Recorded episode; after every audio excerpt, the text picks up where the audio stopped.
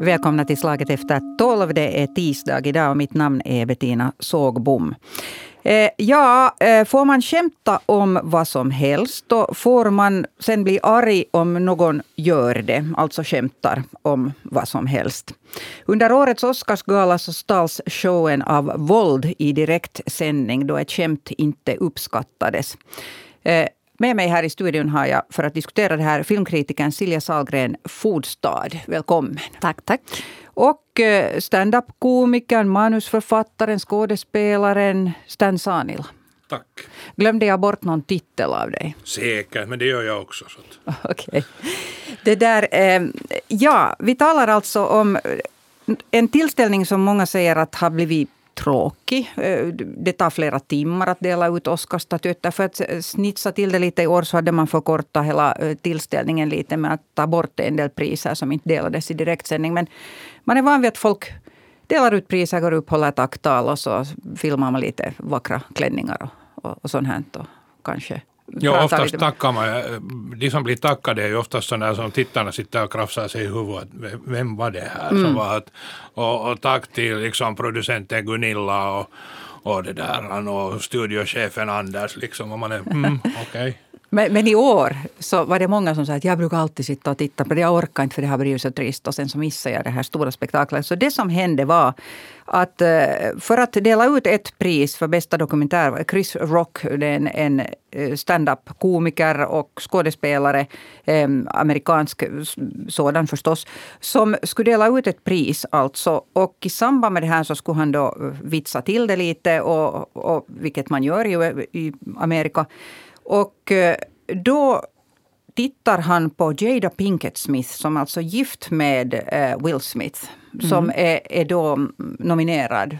I det skedet hade han inte vunnit ännu bästa manliga huvudroll.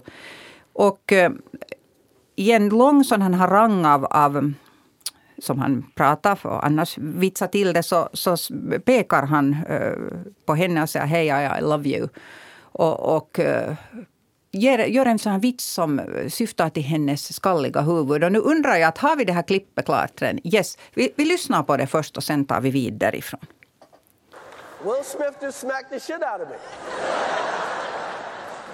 my wife's name out your fucking mouth. Wow, dude. Yes. It was a G.I. Jane joke. Keep my wife's name out your fucking mouth. I'm going to, okay? Han blir nog ganska ställd, den ja. Chris Rock. Där, sådär, okej, okay, det är lugnt, det är lugnt.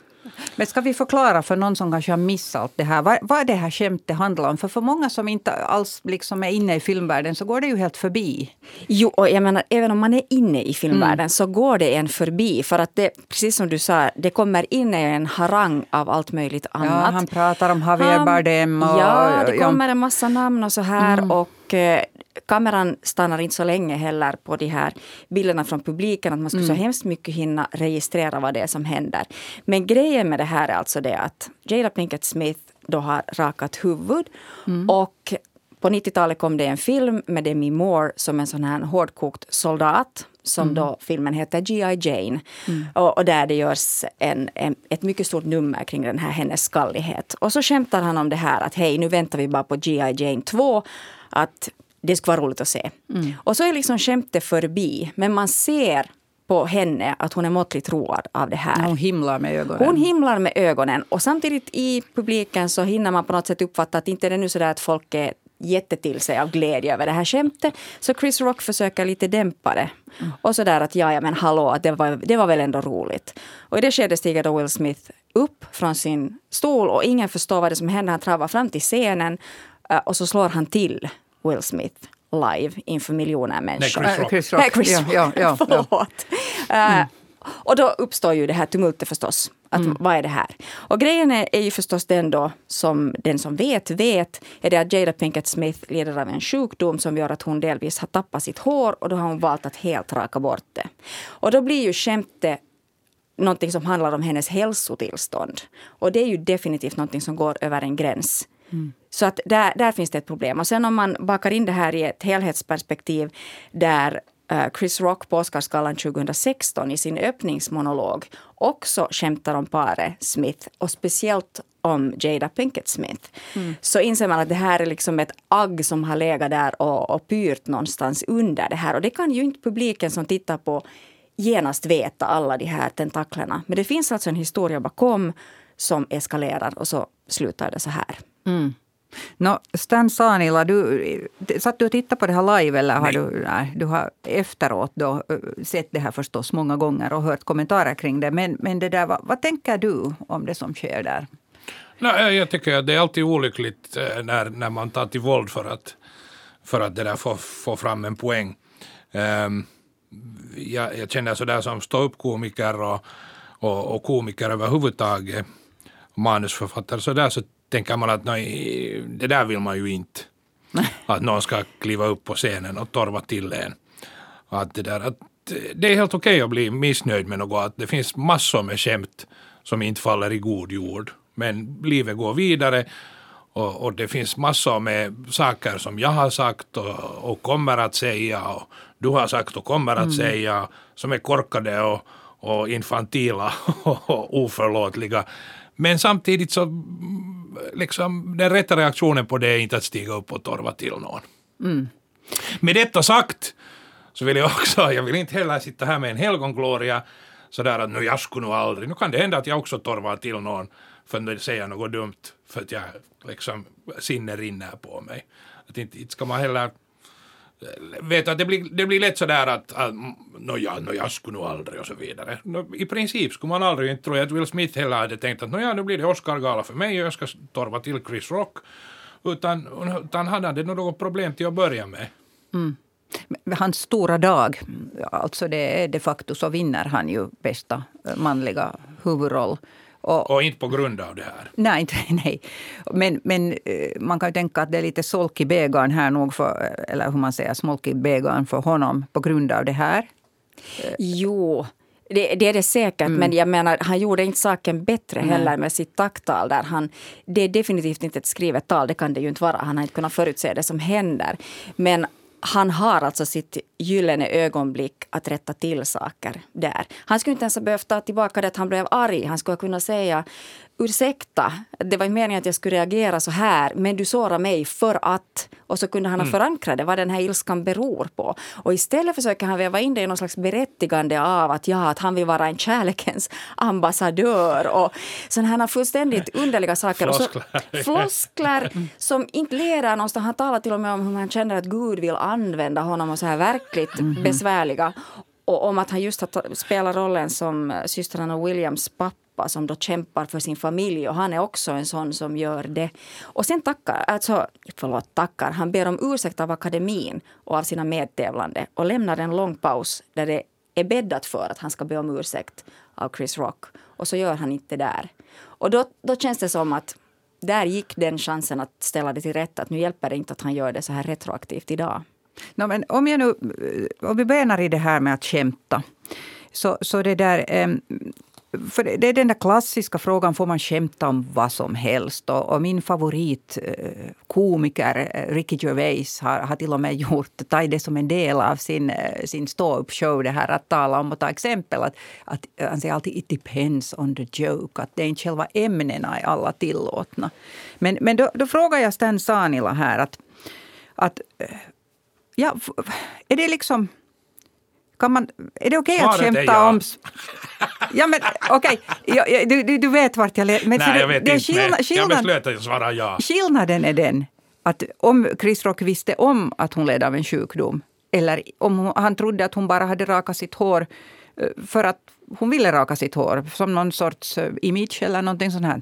Mm. Eh, jag tycker det är en skillnad. Tycker du absolut, att det är en skillnad? Absolut, mm. men, men, men oberoende av, av om det, alltså om han visste att, att hon lider av en sjukdom och han beslöt att, att skoja på, på bekostnad av hennes sjukdom så var det ju mm. tarvligt. Mm. Och om han inte visste det så var det bara okänsligt.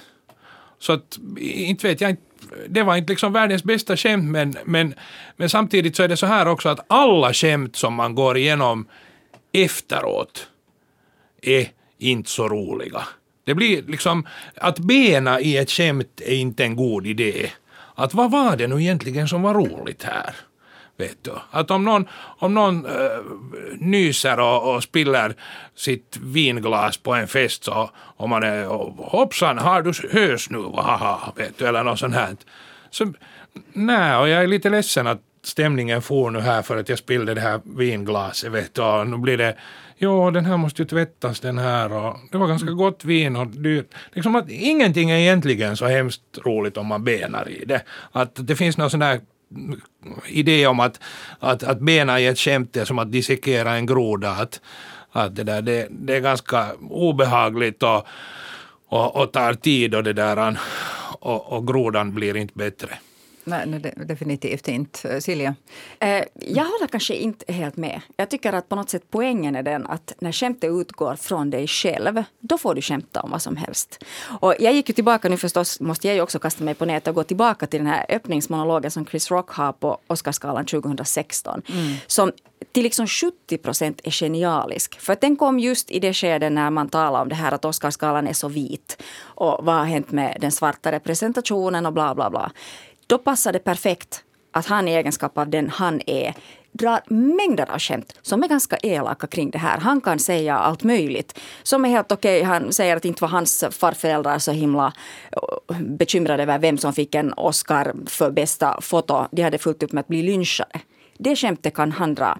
Men sen i den här vevan så drar han då in eh, familjen Smith som hade då bojkotta Oscarsgalan på grund av det här. Och så säger han om henne då, Jada Pinkett Smith, att ja, ja, att hon kan nu vad är det att bojkotta Oscarsgalan? Det är som om jag skulle bojkotta Ryanas eh, trosor. Jag är inte inbjuden dit. Mm. Och det är liksom, då är det, det skämtet är inte roligt sen mera. För att det utgår inte från honom och det, det, gör, det förlöjligar henne på ett sätt som jag inte tycker att det är roligt. Det finns ju alltså idéer om om eh, hur den här världen eller värdinnorna eller värdparet ska fungera på Oscargalan. Det, det finns en sån där eh, grillningstradition så att säga. Man lite går åt de där människorna som sitter där. Roasting talar, ja, ja. ja. Och, eh, och det är alltid svårt att veta att, att vad som funkar och vad som inte funkar. För att för att idén med skämt överhuvudtaget är ju att skapa en vi-känsla. Att, att, att så att säga binda samman gruppen. Ofta säger man sådär att, att eh, skämt bygger broar eller skämt förenar eller någonting sånt. Men det är alltså det är diametralt motsatt. Meningen med humor överhuvudtaget, om jag lite får dosera, är alltså att binda ihop en grupp. Alltså de som är här och nu och förstår och de som är utanför och inte förstår. Därför är det hemskt att vara på en fest där det står en grupp och skrattar sådär Och så man, vad, vad hände här, vad, vad, vad, var det som var roligt? Och så står man där och trampar vatten. Så, för att man inte har förstått. Ja, för, mm. vad var det, Matti Vanhanen på EU-mötet. Så så, vad, vad är det på gång här då? Liksom. Att det, det, är otroligt obehagligt. Eller någon sitter bakom dig på bussen och fnittrar eller någonting sådant. Man vill alltid vara med om det roliga. För, för det handlar om liksom gruppsammanhållning. Mm. Men här skulle vi säga att Oscarsgalan är på sätt och vis ett ganska taskigt läge att ha en sån här rolighetsfest. För ja. de där människorna som är där, de är ju jättenervösa redan färdigt. Ja. Och det är en maktkonstellation i det. De tävlar mot varandra och då är det inte roligt att bli utpekad där som en loser redan i öppningsanförande på något sätt. Och här handlar det ju jättemycket också om makt och vilken typ av... Du kan skämta om Meryl Streep att ska du nu igen komma och ta priserna av oss andra? Det är ju jag, ha ha ha, för att det, är inte, det försätter inte henne i en dålig dålig dager. Men att eh, slå neråt är alltid besvärligt och det blir ju på något sätt den positionen för den som står på scenen i det ögonblicket. Och sen måste man ju säga att här är ju skett en markant förändring. Att jag menar Oscarsgalan fram till så där slutet av 90-talet var betydligt snällare och allting handlade om att man gjorde sådana här skämtsamma kavalkader kring de filmer som var nominerade mm. och bla bla bla. Och sen började man ta in de här standup-komikerna mm. som inte var komiker annars, som har en jargong som är annorlunda. Och jag tror att den här krocken uppstår lite i det att du kan inte ta den intima stand-up-scenens eh, lilla grupp av människor som alla har kommit dit för att de vill höra den här typen av skämt. Med liksom ett miljonevenemang där hela världen sitter och tittar och egentligen är intresserade av vem som får vilket pris. Det blir liksom en, en krock där. Där håller jag med dig till 100 procent. Alltså att, att det är jätteviktigt att man, man känner sin publik, att vem talar man till? Att, men det, det, det är egentligen svaret på den här frågan också, att, att, att kan man skämta om allting? Man kan skämta om allting med rätt människor vid rätt tidpunkt. Mm. Det är ju det som är, att, att det som funkar i, i hissen på väg till en jobbintervju är inte så roligt liksom att, att berätta vid restaurangbordet med kompisarna eller på en begravning eller vad som helst. Att liksom, saker funkar i olika miljöer på olika sätt och, och det handlar om att, att kunna läsa sin publik och vara medveten om sånt här. Men, det där, men jag tror att det, det har varit en medveten strävan också från producenternas håll att, att på något sätt göra den här galan mera utmanande och liksom locka en yngre publik eller någonting sånt där och, och, och skruva upp tempot och så här.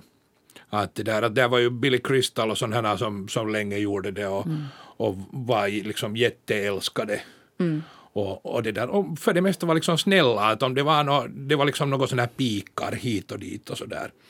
Men, men jag, jag, jag skulle inte liksom lägga hela skuldbördan heller på, på komiker i sig, därför att eh, det finns ju en beställning och beställningen kommer från producenterna att något sånt här vill vi ha. Man kan inte heller, du talade om Ricky Gervais här tidigare, mm. han var ju på de här Golden Globes och sånt här. Och man kan inte heller förfasa sig över att herregud, nu sa Tomte X något hemskt om, om Tomte X är liksom känd för att vara snärtiga Tomte X som säger lite sådär elaka, lite sådär piffiga saker. Att, att eh, det har ju att göra med också komiker.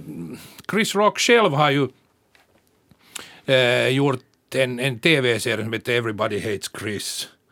Som, mm. som utgår just från hans liksom barndomserfarenheter av att inte vara populär och, och inte älskad. Sådär.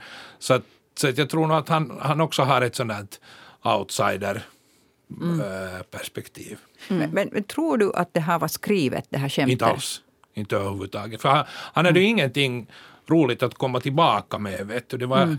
han, han, var bara chockerad över ja, att ja, nu få menar du, den här, du menar den här incidenten, men tror ja. du att hela skämtet var skrivet? Det, här det med, tror jag absolut. Ja, för att jag talade med en del andra komiker också före och frågade, och de hade tolkat det så att han la till det där själv, att det inte skulle ha varit skrivet. Nej, jag har nog svårt att tro det. Han har, han har uppträtt så mycket och liksom läser rummet och, och så här att inte, inte det där Oscargalan är inte heller ett sånt tillfälle att liksom improvisera. Utan, mm. utan nu följer man ganska långt. För det är också det, är det att det är bildregisserat och så vidare. Att mm. Man ska veta vem som ska vara i bild och vilk, när, när och hur och hur länge han pratar och sånt att, att, att det är nog ganska sådär på minuten. Att, att om han börjar vem som helst, inte bara Chris Rock, utan att om man börjar tala 15 sekunder för länge liksom, så är det någon som sliter sig i håret i kontrollrummet. Alltså sant. helt på riktigt. Ja, ja. Jag vet att vi säkert ska komma in på det här med våld i sig mm. så småningom. Men ja. jag tänkte ändå att, att det som ju nog är intressant, det enda lilla frö till, till någon slags diskussion som jag tyckte jag hittade just i Will Smiths eh, såsiga tacktal var ju det här att, att han nämner någonting om det här att ja, här förväntas man sitta i den här branschen ska man klara av att sitta och höra vad som helst och det ska bara rinna av och så vidare. Och jag tycker att det aktualiserar nog ändå den där frågan liksom om att finns det gränser för vad man får skämta om? Och får de kanske ta och fundera på att i det här sammanhanget så men jag tycker just att det, det är poängen, det som du säger, i det här sammanhanget mm. finns det någon gräns vad man får skämta om, det finns det ju inte. Nej. Vem som helst får skämta om vad som helst och så får man ta konsekvenserna av det.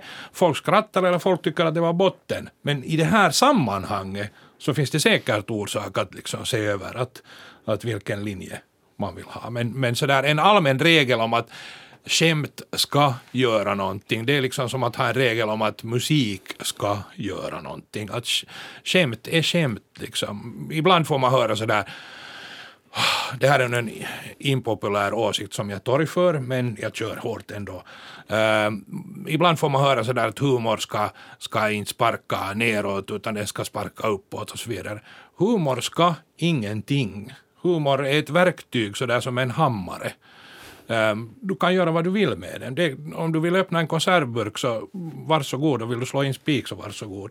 Att, eller som havet, liksom, att det, det kan bära oss skepp eller det kan dränka oss. Att inte, eller musik som jag nämnde här tidigare, att humorn har inte liksom en uppgift, inte, ingen skulle säga så här att, hum, att, att musikens uppgift är att göra oss på gott humör. Va? Är det så? Får, får jag inte lyssna liksom på sorglig musik? Nej.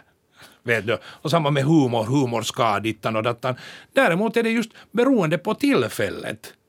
Så, så finns det saker som är okej och saker som är definitivt inte det det är ju ganska få sammanhang där det blir så heller att den som utsätts för skämtet så att säga måste sitta i rampljuset och bli iakttagen. Ja. Hur reagerar mm. hen på det här? Ja. Sen tycker jag ändå att när det gäller det här när man talar om hatretorik och allt möjligt hur ord spelar roll så tycker jag att, att vi har ju också en kultur, den här roasting ja. den har blivit allt mer populär att använda och sådär. Och det, det, kan vara jätteunderhållande att titta på när alla är inne Exakt. på det. Precis, Men, då, då, är, då är premissen den att nu har vi det här. Ja, men... att, att, att, sitta liksom oförberedd och få en trasa i ansiktet är inte så spralligt. Nej. Mm, no, där är ni helt överens. Men, men det där, om vi, om vi tittar nu på det som, som då utspelar sig. Nu, nu var du Siljaren inne på det här såsiga taktalet och det är ju faktiskt en sak som alltså, det, det var verkligt såsigt. Men, men själva den här händelsen att man då slår en människa framför tv-kameror. Och nu kan vi ju säga så här att okej okay, att eh, kulturen idag är full med våldshandlingar och på alla filmer så slår folk varandra och blodet sprutar. Och, och, vi vet ju att det här är en, en sån men det här, var, det här var alltså på riktigt. Och eh, då undrar jag, eh, det har lett till en, en oändlig eh, mängd diskussioner nu i, i västvärlden, i, alltså både i, i alla europeiska tidningar skrivs nu kilometervis med kolumner om det här. Eh, och i USA så pratar diverse panelister om det här på jag TV. Jag säga att det här är kanske också sådär bland folk som ja. ska tycka saker. Ja, ja, jag, jag, tror inte sådär att, att Anna-Greta på åldringshemmet, att no, nu är det nog oerhört. säkert, så, säkert så. Men just de här som ska tycka någonting har nog tagit mycket starkare ställning eh, eh emot alltså Will Smith i det här sammanhanget. Just därför för att han att man får bara inte göra så här. Att man löser en konflikt med våld. Och, så att ger det som ett exempel. Alltså, det fanns till och med, nu kommer jag inte ihåg namnet på henne, en standup-komiker som jag såg bli intervjuad på amerikansk tv just i samband med en sån panel. Och, och hon sa att, att det här får henne nog att tänka nästa gång hon stiger upp på scenen. Absolut. Absolut. Ja, att andra tar alltså ja, modell av Will Smith som hyllas nu av vanliga människor som säger att så där ska man försvara sin kvinna. Ja, vi kommer in på feminismen här också. det är också lite bekymmersamt tycker jag, just det där att försvara sin kvinna. Jag tycker det är liksom bisarrt att, att hon kunde väl själv stiga upp då torva till om hon var besviken. Att det, det finns en underlig sån där liksom John Wayne, tantada, här är det in på min häst och torvar till skurken. Ja, men det, var, det, är, det är många saker som är lite sådär besvärliga med det här. Dels att det är, man kan säga ju en spontan handling, men den är inte så spontan. Det hinner gå en, ja. en stund däremellan. Han ska gå dessa meter fram till sig. Han, hinner, han skulle hinna så att säga ångra sig ja. på vägen. Att det är nog som en, en, en färdigt koordinerad insats som han gör. Och, och han vill det, visa upp någonting. Ja, och det är en slags maktutövning ja. Han vet ju att Chris Rock kan, det är inte liksom det här chevalereska duellen där vi har kommit överens om att nu ska vi mötas för att jag ska försvara min kvinna efteråt. Utan Chris Rock har ingen möjlighet att göra någonting annat än ta emot där i det skedet. Så att på det sättet så är det maktutövning som är väldigt obehagligt på många nivåer. Men är det inte maktutövning också mot den här kvinnan? Alltså mot Jada Pinkett Smith? Där vet vi ju inte vad de, vad de har sagt däremellan. Det har ju skett någon ordväxling eller de har tittat Men de har ju ett avstånd där. mellan varandra så de kan inte direkt sådär viska åt varandra liksom att gå du. Nej, nej jag vill inte gå, gå nu, gå. så mycket hinner de kanske inte dela där, nej. Vi ser man... inte heller om hon försöker stoppa honom. Nej, det ser man inte heller. Nej. Och ingen annan ingriper ju heller för att ingen kan förstå att det här är på riktigt. Mm. Men vi kan ju inte veta förstås, man kan spekulera i hur mycket mm. har de diskuterat Chris Rock där hemma tidigare på grund av saker som har sagts och sånt här. Det vet man ju inte. Men i vilket fall som helst så är det ju definitivt inte ett, ett sätt att lösa något problem på. Och sen att dessutom då inte direkt säga att ursäkta, mitt beteende men, var oförsvarligt. Vad säger det om, om uh, inställningen till våld? Om vi nu börjar med, med USA då. I det att 90 procent av alla som har tagit ställning här har hyllat, alltså van, nu talar jag om vanligt folk, hyllar nu Will Smith för att så här ska en karl göra. No, nu är det väl lite sådär som om man ställer upp för, för en kompis eller vad var det du sa om Jonte, hör du det där? du var lite trutbulliger. Nu ska jag lite tala med dig, hör du det där. Kom, Att, att det, det är lite den där liksom en för alla, alla för en och, och, och så är det den här liksom just min kvinna, den här grottmanliga. Ja, det, det är en, en problematisk diskussion, men också i ditt exempel så börjar det med ord. Alltså det är fortfarande det att det är de där orden som sägs som ger upphov till detta våld. Och då skulle ju på något sätt eh, motkraften måste vara i orden. Mm. Det att man skulle förstå att här också så förstår man inte varför skriker han inte först att lämna min fru utanför Mm. och sen kan man förstå om han blir spontant arg och börjar slåss. Men att börja i våldsändan är på något sätt en jättetydlig bild av vad som är snett i det hela. Att man inte kan Och han blir ju skraj, Chris Rock, på riktigt. Alltså, han, han, han, han står ganska sådär eh, skärrad och, och ställd. Att, okay, och så, så säger han att, att när, när den här Will Smith då ropar att, att keep my, my, my wife's name Håll min kvinnas, min, håll min hustrus namn ut ur, ur din förbaskade mun. Ja. Nu sa- säger han inte förbaskade, han säger ett lite fulare ord. Ja. Men, och det där, och då, då säger, då säger eh, Chris Rock att I will, I will. Ja, Ja. okej, det är lugnt, jag gör det. Att det, det liksom, det finns ingen sån där en rolig sak att säga tillbaka, bara ming, bara mum så här. Utan han är okej, jag vill inte ha mera stryk direkt. Men jag tycker det är jätteskrämmande om det är så här att de här siffrorna är så att, att Jag har inte Att gjort statistik, jag har kollat mm. spaltkilometer av, no, inte kilometer men meter av, av det där social media-inlägg. Och, och där är väldigt tydligt nog det att de som är sådana här proffs eh, så säger ju direkt så här att nej, att så där kan man ju inte göra, att det här är helt hutlöst. Medan eh, så att säga vanligt folk mm, tycker att det här var heroiskt. Det här är ju också en sån här kul grej på det sättet att alla kan ha en åsikt om det. Liksom att, att, att det, det är direkt en vattendelare. Så, att jag, så här tycker jag absolut, så här tycker jag absolut inte. Att eh, på sätt och vis, trots att jag kan tänka mig att de slet sig i håret i kontrollrummet, så samtidigt var det också julafton. Liksom, att åh, vad mycket liksom, reaktioner det blir på det här. Det säger ju Chris Rock också där i när han så småningom hämtar sig så säger han att det här var den bästa tv-kvällen ever. Ja. Mm. Att det, det förstår han ju också. Men jag tycker fortfarande att hela den här incidenten är en jättebra bild, ett koncentrat liksom, vad som är fel i samhället överhuvudtaget. Jag Det var, menar det var just- därför jag ville diskutera det här idag. För att jag märkte att den här s- diskussionen spårar ut nu en massa intressanta trådar om just det som du säger. Så att det, det, i slutändan så handlar det inte om vad Will Smith gjorde och vad Rock sa utan, utan det handlar om det här hur vi löser problem och hur medielandskapet är uppbyggt och vad det är vi fokuserar på och vilken typ av reaktioner vi förmår tolka. Det här är liksom en sån här grottmannareaktion som folk på något sätt kan förhålla sig till. med vem som sa vad om vem och vad undertonen i det är. Det tar längre tid att analysera det och det orkar man Men inte. jag måste säga, här, här det där, jag sa att det har gått utmynna i massa olika trådar. Den ena är toxisk maskulinitet. Och det här begreppet så, så har vi ju hört många gånger här under de senaste, ska vi säga fem, sex åren. Så har det blivit allt mer vanligt att man diskuterar också i samband med den här metoo-historien som egentligen börjar just i Hollywood. Så, så eh, nu är det att jaha, det här är just toxisk maskulinitet. Att de är båda toxiska. Att det att han skämtar om en kvinnas eh, hår, eh, att, eller från, att hon inte har hår. Och, sen ännu mer toxiskt att man löser det genom att jag, du skymfar min kvinna, jag slår dig på käften. Jag Vad- vet, inte vad varför det, jag, vet, jag, vet inte, jag det vet inte varför det kopplas till maskulinitet. Jag tycker bara det är allmänt stolligt. Kan, kan, det inte bara, måste, måste vi liksom, kan inte vi bara säga att det var stolligt? Det var, jag, jag, jag tycker det finns många intressanta analyser som jag sett. Jag såg någon rubrik, eh, kanske The Eller Guardian. jönsigt också. Jönsigt. Ja, både och. Men just det här att, att det, det blir också en, en bild av samhället det här att dagen efter att det har varit historiskt på Oscarsgalan, men den leddes av tre kvinnor. Vi hade kvinnliga programvärdar. Det var en kvinna som för tredje gången i världshistorien fick eh, regipriset. Och den vinnande filmen var regisserad av en kvinna. Det, wow, det var kvinnornas kväll och det enda vi talar om det är manligt våldsutövande. Det Eller också- våldsutövare. Ja, det blir no, manligt. Ni menar om det är Will Smith vi talar om. Det är liksom det det handlar om. Så att det är nu så här det man landar i. En annan Men diskussion... du väljer att fokusera på att han är man. Nå, det kan det- ju bara vara att han är en stolle. Får jag- Men får han jag- var man och gjorde det Får jag här. understryka att det finns en tråd till?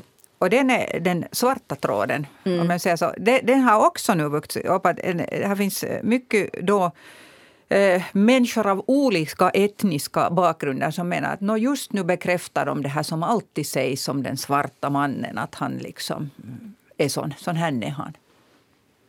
Och nu blev det tyst här, för nu blev alla vad ska jag våga säga om det här? Kanske, jag vet inte. Men, men det här är liksom det som, som svarta män nu själv eh, har skrivit eh, många alltså inlägg om nu, åtminstone vad jag har sett, att, att de är besvikna därför, för att det är ännu viktigare som en, en eh, svarthyad, mörkhyad man att visa att du inte är sån här. Ibland, ja. ibland det där så, så frågas det så här att att varför eh, är det så få kvinnor som sysslar med stå upp eller komik eller någonting sånt. Mm. Och, och, det där. och då tycker jag att ett jättebra svar på den frågan är att det måste man fråga dem. Mm. Och lite samma sak känner jag med den här också. Att inte, jag, jag har inte den erfarenheten av att vara en svart man. Nej. Så jag kan, inte, jag kan inte besvara det. Jag, jag vet inte. Jag har, jag har liksom ingen aning om, om hur kulturen ser ut och hur, huruvida afrikansk och afroamerikansk liksom, kultur skiljer sig från varandra i sådana avseenden och hur det skiljer sig, vad det har att göra med socioekonomiska faktorer och så vidare. Så mm. Nej, det, det, är faktiskt svårt ur det här perspektivet. Jag tänkte att det, det är också en sån där eh, intressant detalj i det hela att när de satte in en snabb reklampaus när incidenten hade skett så hade skrivits mycket om att Denzel Washington var den som försökte tala med Will Smith däremellan. Ändå äldre generationens svarta framgångsrika skådespelare. Man vet ju inte vad de har sagt där sinsemellan. Han sa att jag hackar dig. nej men det, det, det, jag håller helt med att det finns de här dimensionerna som det är svåra att Han har ju nog citerats, alltså åtminstone enligt Will Smith så sa han bland annat when you're at your highest, uh, the devil, watch out that's when the devil will come for you, ungefär så här. Mm. Okay. När du når din, din höjd, din absoluta höjd, det är då djävulen kommer efter dig. Sitter djävulen och väntar på en sup? Nej, men är det inte ganska bra sagt? Ja, mm. absolut. Ja. Men det, ja. det gäller att passa sig, så att säga. Ja. No, det, som jag ännu tänkte hinna med här de här sista minuterna det är att vad, vad, tror ni det här leder till? För nu har det väckts en massa, alltså, nu har ju Will Smith då idag bjudit... vad, vad leder det till? Det leder till sådär, sådär kravallstaket runt scenen på Oscargalan. Ja, och stand-up annars också kanske måste, måste ha säkerhetsvakter. Det har de ju nog på stora. Jag har varit och tittat på, på det där en del stand-ups jag nog har sett att det har funnits eh, vakter i varsitt hörn framför scenen. Ja, men det kan ja. ju då i så fall ha att göra med själva utrymmet bara. Att, att om du, jag menar, det är knappast stå upp på en själv som begär det. Utan, utan jag menar, uppträder du på en större möjligt. arena eller någonting sånt så finns det väktare. Mm. Men vad tror ni det gäller eh, nu för Will Smith? Alltså får han personligen, hans karriär, några konsekvenser? Jag tror inte att det kommer att... Det, han kommer att vara det stående skämtet på nästa Oscarsgala och då kommer man att göra någonting av det. Men jag skulle ju hoppas att det är sådär eh, i ett vidare perspektiv och också oberoende av vilken eh, samhällsgrupp eller vilken yrkesgrupp eller vad man än representerar. Det skulle handla igenom ordens betydelse och retorikens betydelse och att man igen landar i det här att alla former av hat och mobbning och sånt här någonstans landar i vem som sa vad åt vem. Och var går gränserna för hur man får tala till varandra och vad är syftet med det man säger? Det kan finnas skarp stand-up där du kan vara hur elak som helst, där du har ett mål med det du säger. Men att gå åt någon för att den har ett hälsotillstånd eller ser ut på ett visst sätt, eller, det är liksom dömt att misslyckas för det leder ingenstans. Så det där med ordens betydelse och, och, och hur man blir jag lite rädd när någon säger sådär, för jag är också en av dem som... För, jag, jag, jag älskar stand-up, bra stand-up. Jag, jag tycker det är pinsamt med dålig stand-up, det gör ju alla, men alla alla ska ju börja någonstans. Men, men det där bra stand-up så jag betalar gärna stora pengar för att gå och titta på sånt. Och Välkommen jag... på Humorlandskampen på Svenska Teatern i maj. Tack så mycket. Men, men jag menar det... Du får alltså inte en fribiljett utan ja, ja, jag du betalar gärna dyra pengar. Jag förstod det. Ska extra. Jag är här på radio också, på, på Yle-radion och då är det lika bra att säga att jag inte får några gratisbiljetter. Jag kan komma och recensera sen vad jag tyckte. ja, men jag menar det att, att det där... Humorlandskapet, Tillika blir jag lite rädd när man säger så där att, att jag jag att, att man får inte skoja om det och inte det, för jag inser ju att det kan slinka med sånt där som eh, att, och, och det blir inte bra. Alltså jag vet en del standup-komiker som har varit briljanta. Sen när de har börjat bli försiktiga så är de inte lika briljanta längre. Förstår du vad jag menar? Jo, men briljanthet handlar ju inte om att uh, säga någonting om hur någon ser ut. Nej, nej. Eller dra. Jag menar, Nej. man kan, som Men- sagt, men man vänta, kan men- dra det men- ur sig men- själv. men- Man kan, du kan inte säga heller att det, det kan inte göra det här. Sällan gör det det, men, men igen, jag, jag vill inte liksom att humorn ska ha en sån där begränsning, utan det handlar om att, att vanlig hyfs och, och, och det handlar om, om publiken. Och, och så får man liksom göra stolligheter och vara jönsig och ta konsekvenserna av det. Eller, eller vara briljant och, och liksom bli firad och så vidare. Men jag tycker inte att, inte ska vi sätta upp några regler vad man får och inte får göra utan saker har följder och konsekvenser. Och kanske om man hela tiden håller på och är elak med människor och folks utseende och sånt här så kan man bli jätteframgångsrik. Don Rickles som, som gjorde det här, då var alla medvetna om att så här kommer det att hända. Sitter jag i första raden och är skallig så, så kommer det något med en biljardboll eller något sånt här. Liksom att, att, men det var liksom det roliga att han, han, han, han hackar på mig. Att, att det finns inte liksom att gör så här. Men, men, men det finns liksom vanlig hyfs. Och det är en skillnad på att vara bitsk och att vara elak. Ja. Jag menar, men det handlar fortfarande om att vara Nåja, hyfs och pli, det kan jag gå med på. Ja. Att för det, och medmänsklig och, och, på och något igen, sätt och igen alltså att, att publiken vet om vad den ger sig in på. Att, att det, det är ju rimligt att liksom, går man och ser en barnpjäs så, så, så är det inget liksom mördande och går man och, och för att gå på Oscargalan så är det ingen som ska få liksom en, en hink slaskvatten i ansiktet. Det, det tycker jag är helt rimligt. Okej, med dessa ord avslutar vi slag efter tolv idag. Och det här är ett sånt ämne som, som Stan Sanila här mycket riktigt påpekar. Alla kan ha och alla tycks ha en åsikt om det. De som kanske utom Anna-Greta då på, på äldreboendet. som har- Så kanske, kanske hon också har en åsikt om det här. Men ni får gärna skriva till slaget at yle.fi om vad er åsikt om också den här och andra ämnen är. Alltså slaget at yle.fi. Silja Sahlgren, Fodstad och Stan Sanila jag tackar er för att ni deltog här idag. Imorgon en ny, eh, ett nytt Slaget efter tolv, samma tid, samma kanal. Tack Bettina Sågbom för att vi fick vara med. Tack.